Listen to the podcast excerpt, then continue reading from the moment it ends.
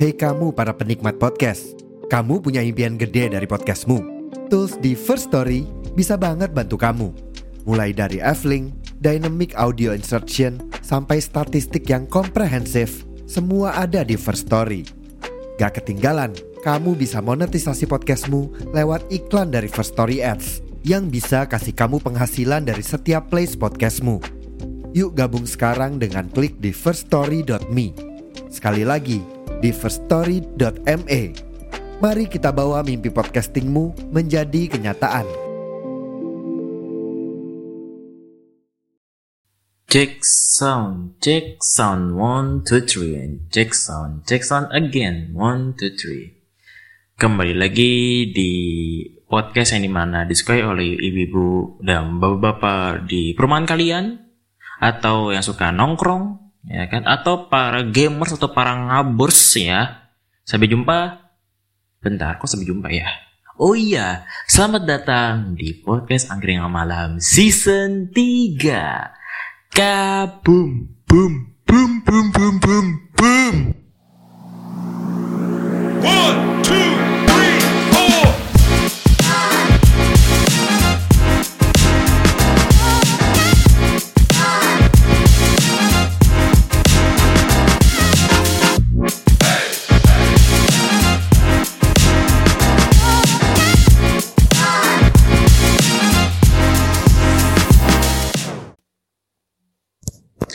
Oke, gimana kabar kalian semua? Semoga baik-baik aja. Yang gimana? Pelebaran kalian? Udah dapat THR berapa nih? Apa? Dapat tugas hari raya? Oleh dosen? Oleh guru? Hah? Apa itu tugas hari raya? Aduh. Saya tidak mengenal tugas hari raya. Karena saya tahu bahwa tugas hari raya itu merupakan tugas yang itu sebelum lebaran jatuhnya. Dan itu perlu dikelarin. Bukan dibiarin. Ya kan? Jika belum kelar bisa hubungin ke Eh, kalian bisa hubungin ya cari di Instagram namanya Homework ID. Nah di situ kalian bisa eh, menggunakan jasa tersebut untuk eh, pengerjaan tugas kalian supaya tugas kalian bisa sukses ke depan atau bisa dikatakan cepat kelar kayak gitu. Gunain Homework ID. Tapi pembahasan kali ini, oh ya gue masih kayak gimana ya? Lebaran kali ini jujur aja eh, ada rasa kayak you know Mungkin karena efek sudah makin besar, pasti namanya tunjangan hari raya atau ya cuan-cuan hari raya ini sudah mu- mulai apa kok mulai sih? Benar, benar, benar. Tapi kata-katanya bukan mulai, tapi mulai. Nah, itu dia. Bisa dikatakan eh, sudah mulai di nerf eh, yang harusnya dulu gue bisa dapat sejuta dua juta sekarang kayak ya udah ya ya kalau misalkan dapat ya alhamdulillah kalau misalkan enggak ya ya sudah tapi apakah itu efek karena gue besar enggak karena itu udah kayak makanan eh, setiap manusia gitu. Tapi tidak tahu kemungkinan. Dampak-dampak dari kayak kemarin-kemarin kayak yang dari covid habis itu ada namanya krisis ekonomi yang sedang terjadi karena efek katanya dari perang Rusia dan Ukraina dan lain-lain. Jadi agak sedikit kayak ya ber berkesinambungan terhadap ekonomi dunia dan mengakibatkan eh, apa namanya kenaikan harga eh, uang rupiah terhadap konser- konversi eh, kok benar? Konservasi. Kok konservasi sih? Ya intinya terhadap mata uang US lah. Tapi eh, gue kemarin baru baca katanya eh, apa namanya uang dari kita itu sedang turun gitu loh Be- Iya benar turun nggak naik gitu. Dulu kan naik banget tuh karena ya begitulah krisis ekonomi. Tapi sekarang udah turun jadi ya alhamdulillah syukur-syukur. Ya semoga aja tetap turun. Semoga kalau enggak ya ya sudah gitu. Jalanin, aja mau gimana lagi? Mau sampai lu mau mau demo mau apa ujungnya kita di demo malah kena apa eh, apa re- represif dipukulin diapain ya. Jadi ya sekarang pemerintah udah anti kritik gitu udah udah absolut anti kritik gitu. Bahkan sekalinya dikritik malah ngancemnya nanti bunuh ya kan. Nanti dihilangin ya kan. Nanti dicari nanti di apa di apa di cyber war atau apa pun itulah dimain pesik apa pecywarnya lah oleh eh, yang punya jabatan-jabatan tinggi. Padahal ya jabatan lu tuh nggak akan pernah bertahan cuy lu tuh hanya satu periode atau be- beberapa periode harus selesai gitu. Nama lu ya yang akan menjadi kayak hiasan bahwa oke nama si Anu itu pernah menjadi eh, apa namanya orang yang pernah ngabisin uang APBN atau ngabisin eh, apa namanya eh, uang uang dana bos atau menghabisin apa namanya ngabisin keluarga orang karena dihujat oleh seseorang eh, konten kreator sudah diingetin oleh konten kreator malah malah jadi panas si kubu pemerintah. Dan akhirnya alhamdulillahnya dilakuin. Maksudnya sudah dikembalikan lagi apa ya eh di restorasi atau ya mungkin di restorasi atau mungkin diupdate gitu loh tentang daerah sana seperti itu. Tapi kali ini gua nggak bahas tentang ekonomi dulu gua nggak bahas tentang namanya eh apa namanya? Tentang eh, berbau dengan uang-uang dulu. Ini gue pengen pindah dulu pindah haluan ke, ke arah psikologi lagi atau pengembangan diri atau kayak ya gue mau reminder aja sih gitu loh. Karena gue tahu bahwa eh, angkatan 2000-an itu sudah akan masuk ke dalam fase like a sandwich. Atas da- roti bau juga roti gitu. Maksudnya apa itu maksudnya gini bahwa roti adalah lu tuh sudah dapat tanggung jawab dari orang tua. Atasnya apa? Lu harus bisa menanggung jawabkan diri lu untuk bisa hidup gitu. Jadi kayak penekanan gitu loh nah, itu sandwich gitu. tapi apakah segitu doang pengertian dari sandwich? Tidak gitu. Banyak banget pengertian dari sandwich. Jadi eh kali ini gue akan ngebahas tentang generasi sandwich. Ya yes like a fucking sandwich. Sandwich. Nggak sih ngomongnya sandwich sandwich sandwich. Ya gitu ngomongnya sorry kalau misalnya gue salah ngomong tapi lidah gue kan lidah Indonesia bukan lidah orang luar yang ngomong.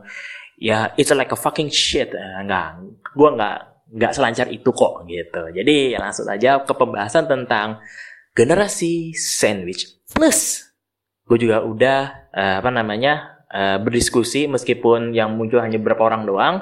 Ya alhamdulillah pokoknya orang yang sudah muncul ke dalam pembahasan yang ada di grup ya. Uh, thank you untuk para podcaster khususnya di Pogo ya untuk di Noise. Gue masih kayak eh, apa namanya masih menunggu menunggu waktu kosong aja karena gue nggak enak kalau misalkan langsung lempar ke diskusi dalam grupnya. Bukan dalam arti gue takut bukan. Tapi gue lihat dari eh, para podcaster yang di Noise itu kan lagi pada liburan kan lagi pada menikmati eh, secangkir kopi hitam atau se- sepiring rendang dagingnya empat nah gitu. Atau kolesterol kolesterolnya nah gitu. Jadi langsung aja ke pembahasan. Here we go.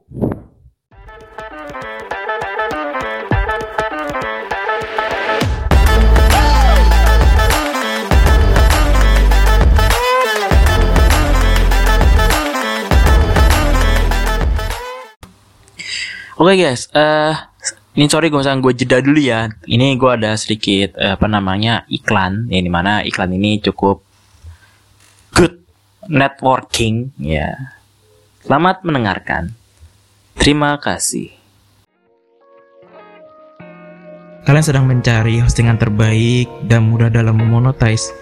Pas banget nih lo dengerin ini. Karena menurut gua lo cobain namanya First Story.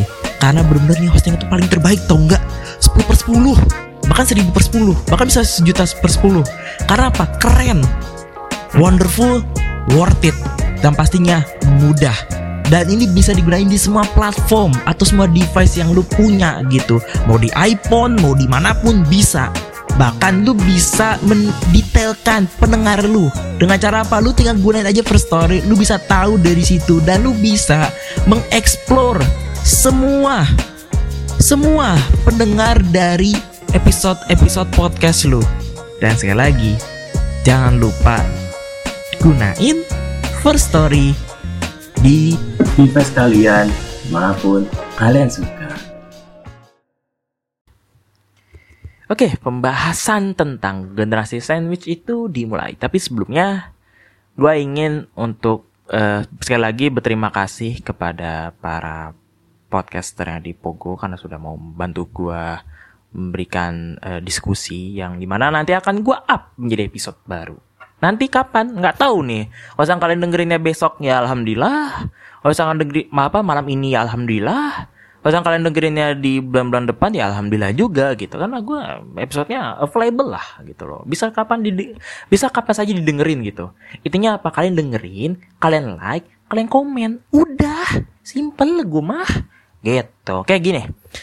Sekarang kita mulai ya generasi sandwich. Ya kita aduh gue ngomongin tentang sandwich itu sudah ngomongin kayak makanan gitu ya. Kalian ibaratkan aja gitu sebuah makanan gitu. Tapi apakah hanya makanan doang? Kan itu hanya se- kayak sekedar eh apa ya istilah aja sih itu loh. Nah jadi generasi sandwich itu adalah istilah yang digunakan untuk menggambarkan sekelompok orang yang berada di antara dua generasi maksudnya apa dua generasi begini yaitu generasi orang tua dan generasi anak-anak mereka.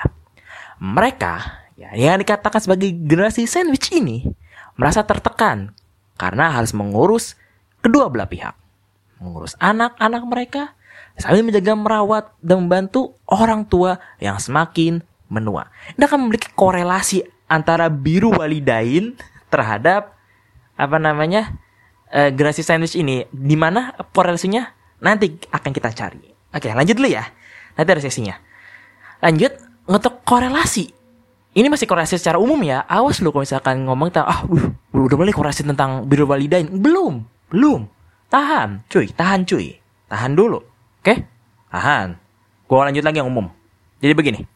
Korelasi generasi sandwich terhadap keadaan masyarakat sekarang adalah semakin meningkatnya harapan dari tuntutan da, daripada kok daripada? Gini gini. Lebih tepatnya tuh uh, meningkatnya harapan dan tuntutan pada orang tua dalam mendidik dan merawat anak-anak mereka. Sementara mereka juga harus merawat membantu orang tua yang semakin rentan. Hal ini terkait dengan perubahan budaya dan ekonomi, seperti meningkatnya rata-rata umur harapan hidup dan kesulitan ekonomi yang membuat lebih banyak banyak keluarga yang harus tinggal bersama dan bergantung satu sama lain.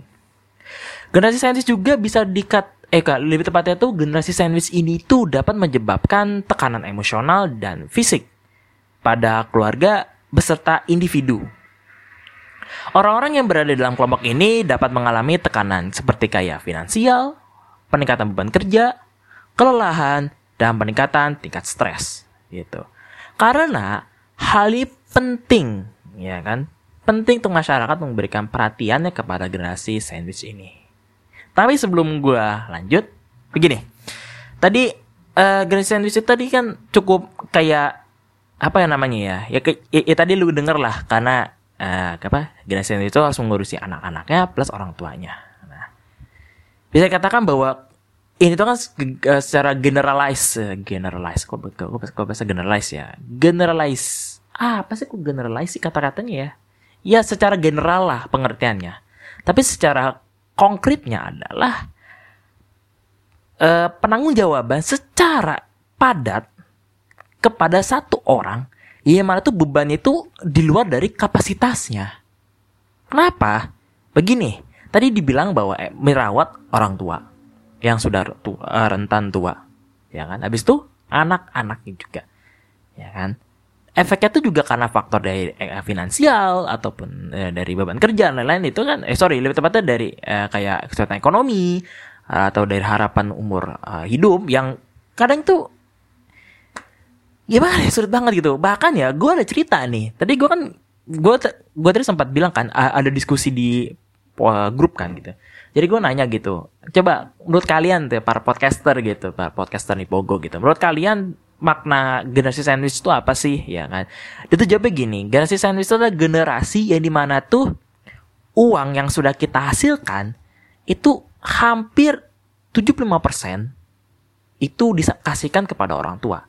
Bisa dikatakan bahwa ini merupakan satu bentuk eh, pengguguran ekonomi yang di mana tuh si anak ini yang lagi eh, merawat plus sedang eh, merawat juga anaknya itu memiliki tekanan secara ekonomik gitu. Ekonomis lah di tempatnya yang ngebuat capeknya pegelnya emosinya kadang lost control. Bahkan ya gue ngelihat kayaknya ada beberapa podcaster gitu yang mungkin gue masih kayak men- menerka-nerka sih. Semoga aja enggak gitu. Gue lihat bahwa tingkat dari si podcaster ini sebut aja si X gitu ya kan? Dia punya episode yang di mana tuh secara uh grafik itu menurut gue keren banget gitu naik gitu. Karena pendengarnya bagus banget. Tapi kok lambat laun ngedowngrade gitu. Gitu. Downgrade itu bu- mungkin karena secara topik atau karena secara pembahasannya kurang menarik atau secara brandingnya kurang tepat atau pembahasannya kurang menuju ke target pasar atau mungkin karena audionya yang kurang dan masih banyak lagi itu dan gue merasa kayak aduh ini efeknya ternyata sangat kuat juga gitu ya menjadi seorang gener apa ya eh, generasi sandwich gitu tapi apakah generasi sandwich ini eh cukup merasakan? Menurut gue merasakan gitu. Tapi gue merasakan ini gue sebut karena gue pakai pendapat dari objektif para, para eh, podcaster yang sudah gue tanya gitu di forum gitu. Dia bilang ada berapa teman-teman gue yang bilang gini, aduh mas, saya kalau misalnya pendapatan tuh eh, harapannya ya 25% aja mas, tapi selalu mentok kanan, ya kan? Gue dengerin apa? Gue dengerin sih, gue liat kalimat itu, gue dan terketawa plus kasihan. Ketawanya apa? Kok lu bisa sih men- sampai mentok kanan gitu loh? Kenapa lu nggak sisain gitu? Dan gue ketawa. Tapi di sisi lain gue juga sedih karena oh iya juga ya, berarti ya sangat apa namanya? eh, Yang gue bilang gitu, sangat terlalu ofensif banget gitu loh. Bahkan kalau misalnya ditanya apakah ini baik buat kesehatan men apa kesehatan mental lu sendiri? Jujur aja enggak gitu. Lu mau stres karena mikirin ekonomi mulu gue aja yang tiap hari punya usaha aja. Gue mikirin secara ininya income-nya terus atau secara kualitasnya terus supaya apa? Supaya perusahaan gue ini naik gitu.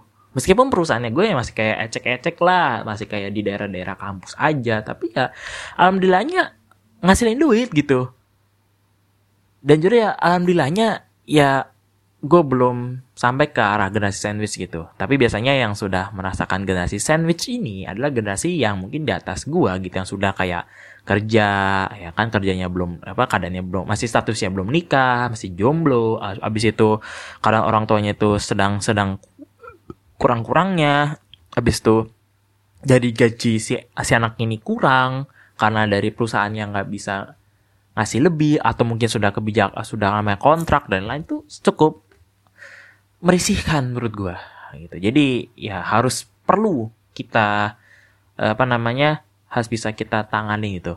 Dan tak lebih lagi yang namanya eh, generasi sandwich ini tuh kalau misalkan apa namanya di- ditanya apakah ada gejalanya eh gimana ya jelasin ya jujur aja kalau misalkan secara itu ya kalau misalkan secara secara ya setelah kita ngomongin tadi ya. Itu tadi kayak dari satu tuh gejalanya tuh karena emang sedang merawat orang tua ya kan. Habis itu sedang emang secara kesulitan finansial gitu. Lalu ditambah lagi dengan apa namanya banyak yang lebih kompleks gitu. Tapi gue coba jelasin lagi secara eh, coba gue gue coba detailin ya gitu loh. Jadi gejala paling ya umum. Mungkin gue sebut umum tapi mungkin bisa kata secara eh, deskriptif, deskriptif ya. Atau deskripsi gitu. Eh, itu dari sudut pandang kalian aja deh gimana cara memandangnya terhadap omongan gue ini. Jadi gejala umum. Kok gejala umum sih? Gejala dari ge- generasi sandwich ini itu pertama itu adalah stres yang meningkat kenapa bisa dibilang begitu? Begini orang yang terjebak eh, dalam kondisi seperti itu yang sering merasa sangat tertekan dan lelah karena harus merawat dan mendukung baik anak-anak mereka dan orang tua mereka secara bersamaan itu akan bisa mendampak ya berdampak kok kok berdampak berdampak kepada individualnya itu sendiri. Contoh kayak udah istirahat capek-capek nih setelah udah kerja apa ya panting-pantingan dibawa tidur pas bangun lebih capek lagi ya kan? Ulangin lagi kegiatan kayak gitu pulang ya kan? Habis itu bangun gitu lagi kerjaan lagi. Apakah itu capek? Jelas capek. Itu satu. Yang kedua adalah eh setelah stres muncul namanya itu kehilangan waktu dan energi. Nah, biasanya orang-orang yang terjebak dalam kondisi seperti ini juga kadang dia lupa akan namanya quality time terhadap eh, keluarganya gitu. Bahkan dia sering menghabiskan waktu untuk pekerjaannya mereka gitu supaya anak dan orang tuanya itu bisa tercukupi secara eh, finansial ekonominya gitu. Kalau misalkan enggak ya wassalamualaikum gitu. Akan seperti layaknya lu makan ya kan, lu makan mie deh. Tapi lu nggak ada mie-nya, lu disuruh makan kuahnya doang gitu. Karena apa? Karena tidak dilihat secara kuantitas dan kualitasnya gitu. Jadi ya kasihan aja gitu kalau misalkan ada nih teman-teman kalian nih ya kalau ada teman-teman kalian yang melakukan tindakan seperti itu tolong dipahamin tolong diajak mengerti kok bisa dihibur jangan nih kayak cie kerja cie cie ndase kalau misalkan gua ini kalau misalkan dibentuknya gambar gua udah kayak fuck you gitu. Anda tidak menghibur tapi anda malah meledek kacau anda. Tapi kalau misalkan kalian benar-benar kayak pengen hibur ya hiburlah secara normal aja gitu. Ya min- minimal buat dia senyum lah karena capek menurut gue sih kalau misalkan men- men- menjadi generasi sandwich gitu. Selanjutnya, setelah dampak dari kehilangan waktu, energi, dan stres yang meningkat, muncullah masalah kesehatan. Nah, terlalu banyak bekerja, ya kan, secara mungkin akan berdampak kepada fisiologis beserta emosionalnya si individual itu yang terjebak dalam kondisi tersebut yang kayak ya efeknya pasti kayak depresi ataupun kayak ya halusinasi kayak wih gue dapet uang nih gue bla, tapi padahal enggak dan ujungnya akan kayak ya efeknya akan berdampak kepada apa penyakit-penyakit yang mungkin serius gitu layaknya mungkin apa eh, mungkin salah urat atau kayak pusing atau kayak tambah minus dan lain-lain itu banyak banget problemnya. Tapi itu gue sebut itu penyakit penyakit tadi itu ya penyakit penyakit secara umumnya tapi penyakit secara apa namanya eh, secara khususnya eh, mungkin para pendengar dari angkringan malam mungkin bisa bantu isi gitu efek eh, masalah kesehatan yang paling serius yang akan terjadi jika eh, generasi, generasi sandwich itu terkena penyakit. Kayak gitu. Mungkin kalian bisa bantu jawab ya di kolom komentar. Next selanjutnya ada namanya itu konflik keluarga. Nah, mengenai eh, konflik keluarga ya, eh, si individual yang biasanya sudah terkena tekanan eh, mental, plus sudah harus merawat dua eh, generasi, bisa juga akan menyebabkan, kok akan menyebabkan? Nah, gini, maksudnya tuh terjadi dampak yang efeknya itu kayak akan apa bahasanya ya? Oh iya, kayak hubungan suami istrinya kurang ya kan? Atau hubungan antar orang tua dan anak juga kurang karena efek dari ini apa? Menjadi seorang generasi sandwich karena pikirannya itu udah capek ya kan? Pada saat di rumah istrinya ngedumel gitu. Karena kayak kamu ini ya bla bla bla bla bla. Padahal suaminya pengen dimanjain di apa dilayanin bukan didumelin gitu. Pasti didumelin malu jangan nikah lu ngedumel sama tembok sana gitu. Kan gue kok gue jadi malah kebawa emosi ya? Kebawa emosi gue jadi gitu gitu. Apalagi kalau sama orang tua misalkan orang tua udah panjang lebar kalau misalnya udah capek lebih baik lu sebagai anak udah lu siap-siap aja pasang kapas sumpelin ke telinga nggak usah dengerin. Astagfirullahaladzim tapi ya kalau misalkan secara omongan orang tua itu bisa berdampak atau memberikan solusi atau memberikan itu ya silakan dipahamin dan bisa dijalanin tapi kalau misalkan tidak sama sekali hanya isinya ngedumel kayak istri anda tutup aja telinga anda seperti itu lanjut Dasar yang gejala yang paling efeknya tuh sangat sudah kompleks itu adalah masalah keuangan. Nah, biasanya mau dari dua generasi, mau yang orang tua maupun yang anak, pasti memiliki kebutuhan. Sekali gitu masih memiliki kebutuhan yang berbeda-beda. Contohnya anak pasti butuhnya apa sih? Pendidikan, baju, uang jajan, ya kan dan lain-lain. Kalau orang tua sama, paling agak dikurangin beberapa poin kayak makan, ya kan yang paling ya, ya, yang sangat dibutuhkan orang tua tuh ya kayak makan minum ya kan baju ya kan dan ya kalau misalkan opsional itu ya pergi-pergi yaitu jalan-jalan ke mana pun yang disukai oleh orang tua gitu tapi balik lagi misalkan si individual ini yang terkena sandwich ini pasti otomatis akan pusingnya nauzubillah. Karena kayak contoh gini si anaknya itu punya tanggungan itu belum bayar SPP itu sebesar 2 juta. Atau taruhlah eh, jangan 2 juta deh kecilan kayaknya. 10 juta. Dan orang tuanya lagi pusing karena apa? Pengen jalan-jalan karena udah capek di rumah mau nggak mau kalau misalkan dia nggak jalan nggak ti- tidak menjalankan eh, perintah dari orang tua dia dosa. Ya kan secara agama kayak gitu kan. Tapi kalau misalkan dia tidak menjalani secara apa namanya eh apa tidak jalani secara sesuai dengan struktural dari keluarga yang harusnya di, mem, mem- apa mementingkan anaknya ya otomatis or- anaknya akan terkena ancaman kayak mungkin diberhentikan atau kayak apa pun itu dan dan lain-lain gitu jadi pusing dong si individualnya ini ya kan nah ini gue akan sedikit ngambil eh, apa namanya ilmu yang alhamdulillah gue dapat ilmu gitu dari ya habis pelatihan gitu namanya fikih fikih priority atau fikih prioritas ini mana tuh eh secara umumnya yang gue tahu correct me if I wrong itu adalah kita tuh sedang mengutamakan apa yang paling dibutuhkan atau paling darurat itu apa. Oh sangat darurat tentang seorang anak, anak lah yang dilakuin. Orang tuh bisa dulu, nggak apa-apa nanti. Tapi dalam catatan nanti pada saat oh, yang bagian anak itu sudah selesai, baru ke orang tua gitu. Jangan anaknya terus, tapi orang tuanya lupa jangan anaknya dapet, orang tua dapet, tapi secara timingnya yang dimainkan gitu. Pasangan timingnya sudah pas, cara kita memainkan bid apa ya, kebijakan ekonomi yang kayak ini uang uang gaji gue tuh 5 juta nih, nanti kita bagi ber- berapa, berapa, berapa persen, berapa persen, berapa persennya, ya kan? Baru digunain buat anak-anaknya plus orang tuanya. Seperti itu. Ya kan? Ya nggak sih? Nah, kayak gitu. Tapi Sekali lagi, lihat dari kebutuhannya ya teman-teman. Ya ini untuk para generasi sandwich ya. Kalau misalnya kalian mendengarkan ini, kalau misalnya kalian mendengar, mendengarkan ini, dipahamin. Siapa tahu bisa ngebawa eh, dampak positif. Tapi semoga aja ya ucapan gue ini masih bisa diterima layaknya teman. Karena gue takutnya gue salah ngomong jir. Karena nih gara-gara ini sih pak UITE nih lah ngeselin slim banget. Tapi sekali lagi untuk generasi sandwich lu tetap the best cuy. Karena lu mampu lu bisa apa namanya bisa mengeluarkan apa potensi yang lu punya demi bisa memen- memenuhi kebutuhan dari orang tua lu beserta anak-anak lu dan istri lu. Kayak gitu. Tapi kalau misalkan orang yang belum nikah ya fokusnya orang tuanya dulu dong.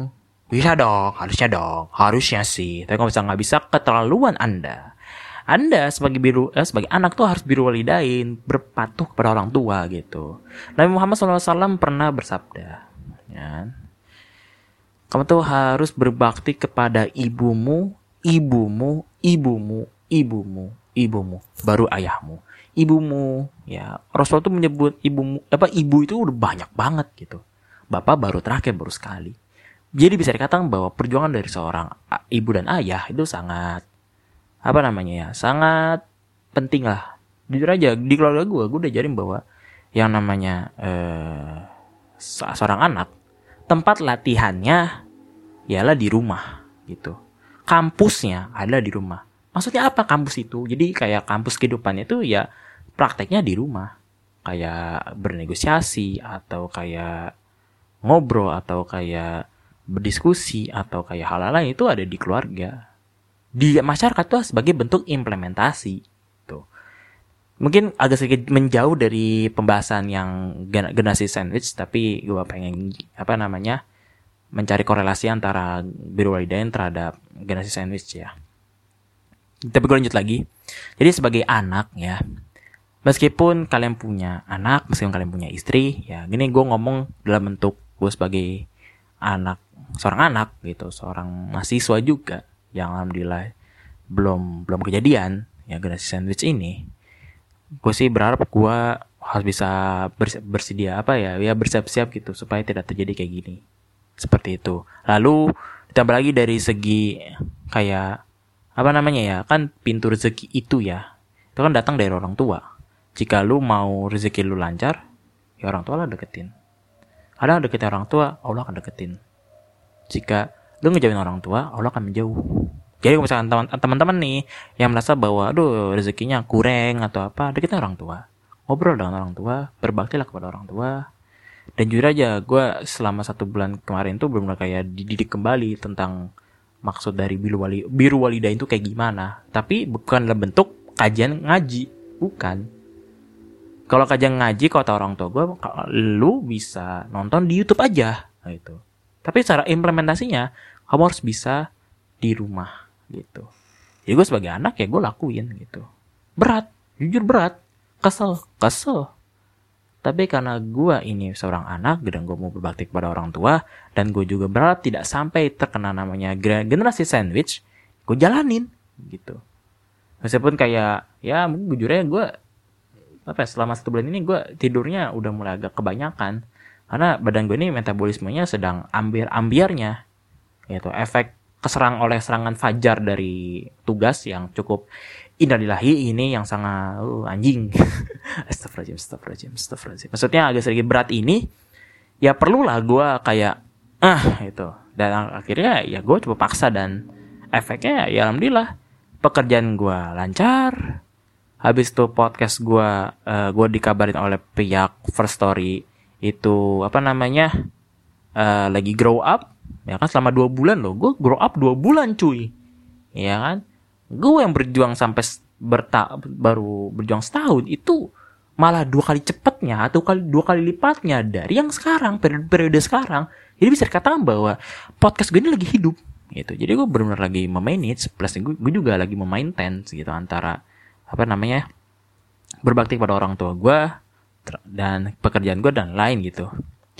Tapi kadang ya seorang anak eh, sekali lagi ya untuk hmm, memfokuskan gitu ya. Ini gue ngomong sekali lagi ngomong dari segi perspektif seorang anak dan mahasiswa gitu. Jujur misalkan apakah dari seorang mahasiswa tuh ada dampak dari gen- generasi sandwichnya? Jujurnya ada. Ada. Pasti kalian pernah mendengar kayak, ayo buruan lulus, nanti ayah dan ibu nggak bisa bayar kuliah lagi loh karena ayah dan ibu tunjangan uh, kantornya udah mau kayak gini gini gini nih. Jujur di keluarga gue kayak gitu, ya. Dan gue sebagai seorang anak, apalagi gue anak pertama, gimana gue punya adik-adik gue yang perlu dina- dinafkahin, mau nggak mau gue harus bisa memanfaatkan waktu gue sekarang untuk bisa gue selesaikan perkuliahan kampus gue dan mendapatkan nilai bagus plus gue punya pengalaman plus gue bisa bekerja dan bisa dan bisa membuat perusahaan-perusahaan besar Qadarullohnya bisa ke internasional amin. Dan gue juga mau ngebuka apa namanya pekerjaan-pekerjaan buat orang-orang yang sangat membutuhkan gitu. Karena tiap hari gue jalan-jalan sendiri gitu. Mau di Jakarta mau di Pokerto gue ngeliat seorang anak gitu atau orang tua yang apa nge- ngedorong gerobak gitu atau kayak duduk di pinggir jalan itu minta-minta dan malah diusir oleh pihak-pihak pihak-pihak sana yang berwajib gitu gue sering kayak menghiris ma- hati rasanya gitu. Pedih. Ya kan? Gue agak sedikit jauh dikit ya. Padahal di negara itu undang-undang undang-undangnya ada loh. Seorang fakir miskin atau seorang yang tidak mampu itu dirawat oleh negara. Tapi fakta di lapangan tidak dirawat. Bullshit. Menurut gue bullshit banget. Misalkan gue ngomong bullshitnya kenceng. Karena emang fakta di lapangan enggak enggak diayomin karena diomin itu adalah wakil rakyat. Di mana Bapak Rogi Gerung pernah mengatakan bahwa bahkan era Wahidin Halim atau Gus Dur itu sudah kayak yaudahlah bubarin aja lah orang-orang itu. Tapi ah, wah gelap gitu. Mungkin sorry ya kalau misalkan agak sedikit jauh ya cuman gue sedikit meluapkan gitu efek dari ini apa yang kurang mampu ini gitu. Jujur tuh enak banget. Ngismat hati cuy mungkin lu terdengar kayak ah lu fake lebay banget sih bla bla bla. Coba deh lu sini ya. Lu sini lu megang duit ya. Lu kasih uang ya. Uang lu hmm, kasih ke orang yang tidak mampu. Jangan secara fisik jangan lihat secara ketampilan atau apa. Kasih. Lu akan merasakan saya apa eh, benefitnya. Dan lo akan merasa kayak oh iya oh iya. Pasti gitu. Gitu. Apalagi generasi sandwich yang udah notabene berjuang mati-matian berjuang capek-capean ya kan? Dibully sana sini diserang sana sini apa defense sana sini ya kan? Untuk apa? Untuk bisa memenuhi kebutuhan orang tua dan anaknya supaya bisa hidup supaya bisa melanjutkan kehidupannya gitu. Dan jujur orang tua gue juga adalah seorang ge- generasi sandwich gitu. Yang di mana orang tuanya ada maksudnya eyang-eyang gua. Habis itu gua sebagai anaknya juga iya gitu jadi gue sebagai anak ya gue meringankan dong. Ya kan meringankannya dengan yang gam- gampang-gampang aja. Mungkin kayak beres-beres ya kan?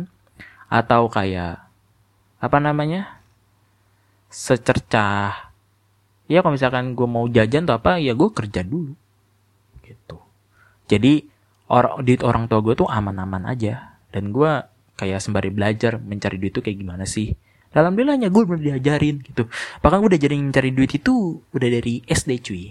SD kelas eh berapa ya? 5 bisnis gue tuh ya terapis bekam gitu.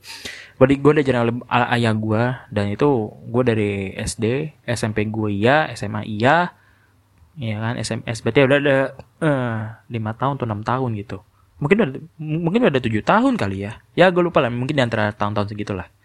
Tapi itu juga kayak dampaknya besar gitu. Habis itu gue diajarin oleh ayah gue Mencari duit itu harus secara jujur dan lain-lain. Gue terapin kejujuran itu. Alhamdulillahnya hidup perusahaan gue Habis itu seorang yang bekerja itu harus profesional gitu. Seperti layaknya lu bekerja ya lu fokus kerja. Kasih yang terbaik terhadap pekerjaan lu. Dan gue lakuin. Alhamdulillahnya sukses.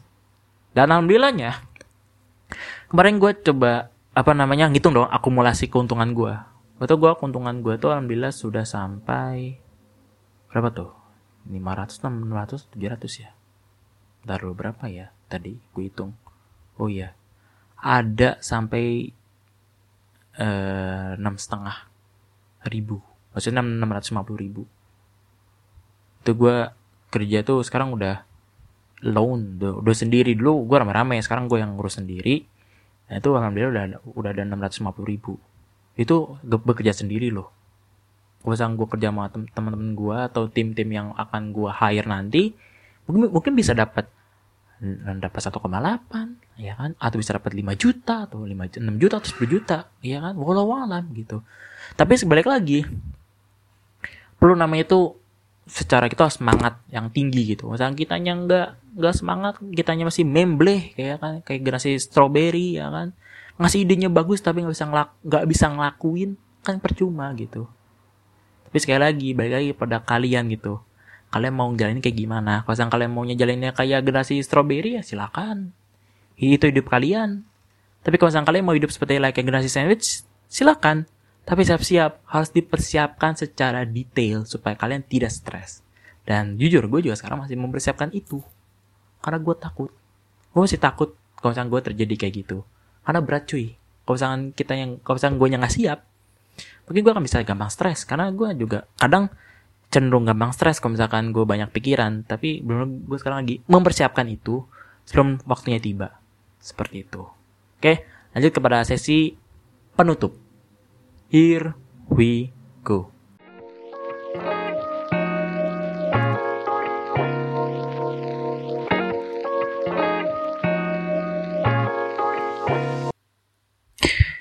Jadi ya generasi itu adalah generasi yang emang menurut gue tuh cukup keras gitu.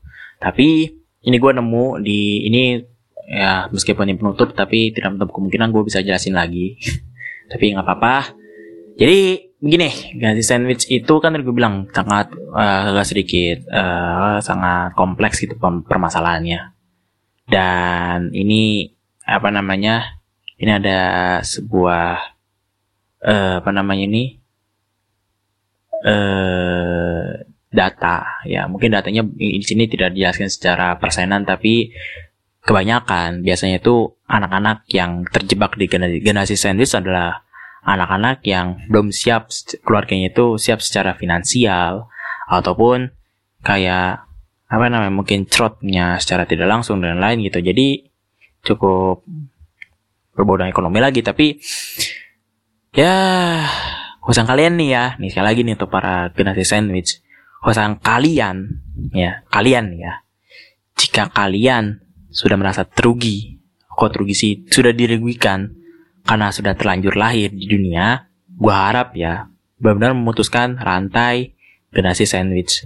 Bukan hanya sekedar keluar-keluar kayak marah-marah bla bla bla bla terus apa uh, selingkuh atau ah, sama orang lain dan lain-lain caranya tuh please putuskan itu dan lu fokus mengupdate diri lu plus lu mengupdate finansial lu.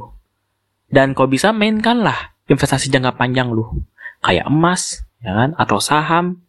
Mungkin saham mungkin agak sedikit bahaya sih kalau misalkan lu nggak mampu secara eh, ilmunya. Tapi ya emas lah yang paling paling aman gitu.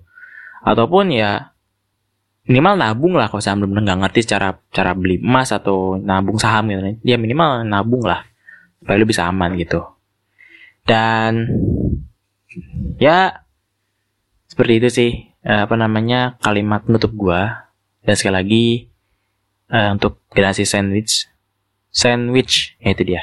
Generasi sandwich ya gua harap kalian menjadi orang yang tabah kuat powerful meaning meaningful ya kan disiplin clever atau what up, uh, what about that atau hal apa pun itu semangat.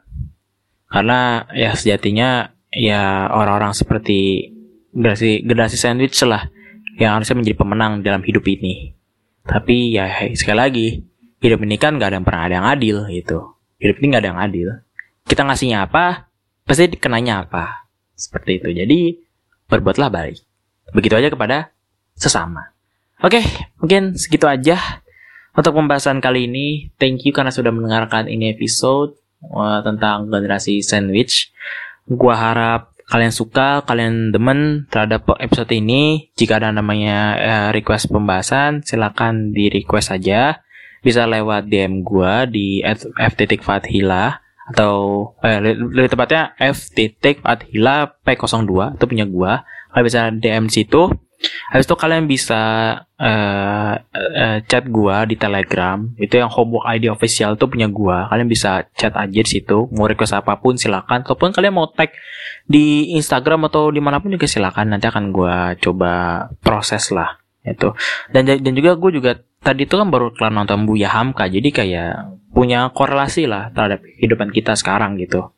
Yang cukup relevan gitu yang perlu kita angkat tentang sebuah karakter atau sebuah tokoh gitu. Oke, thank you.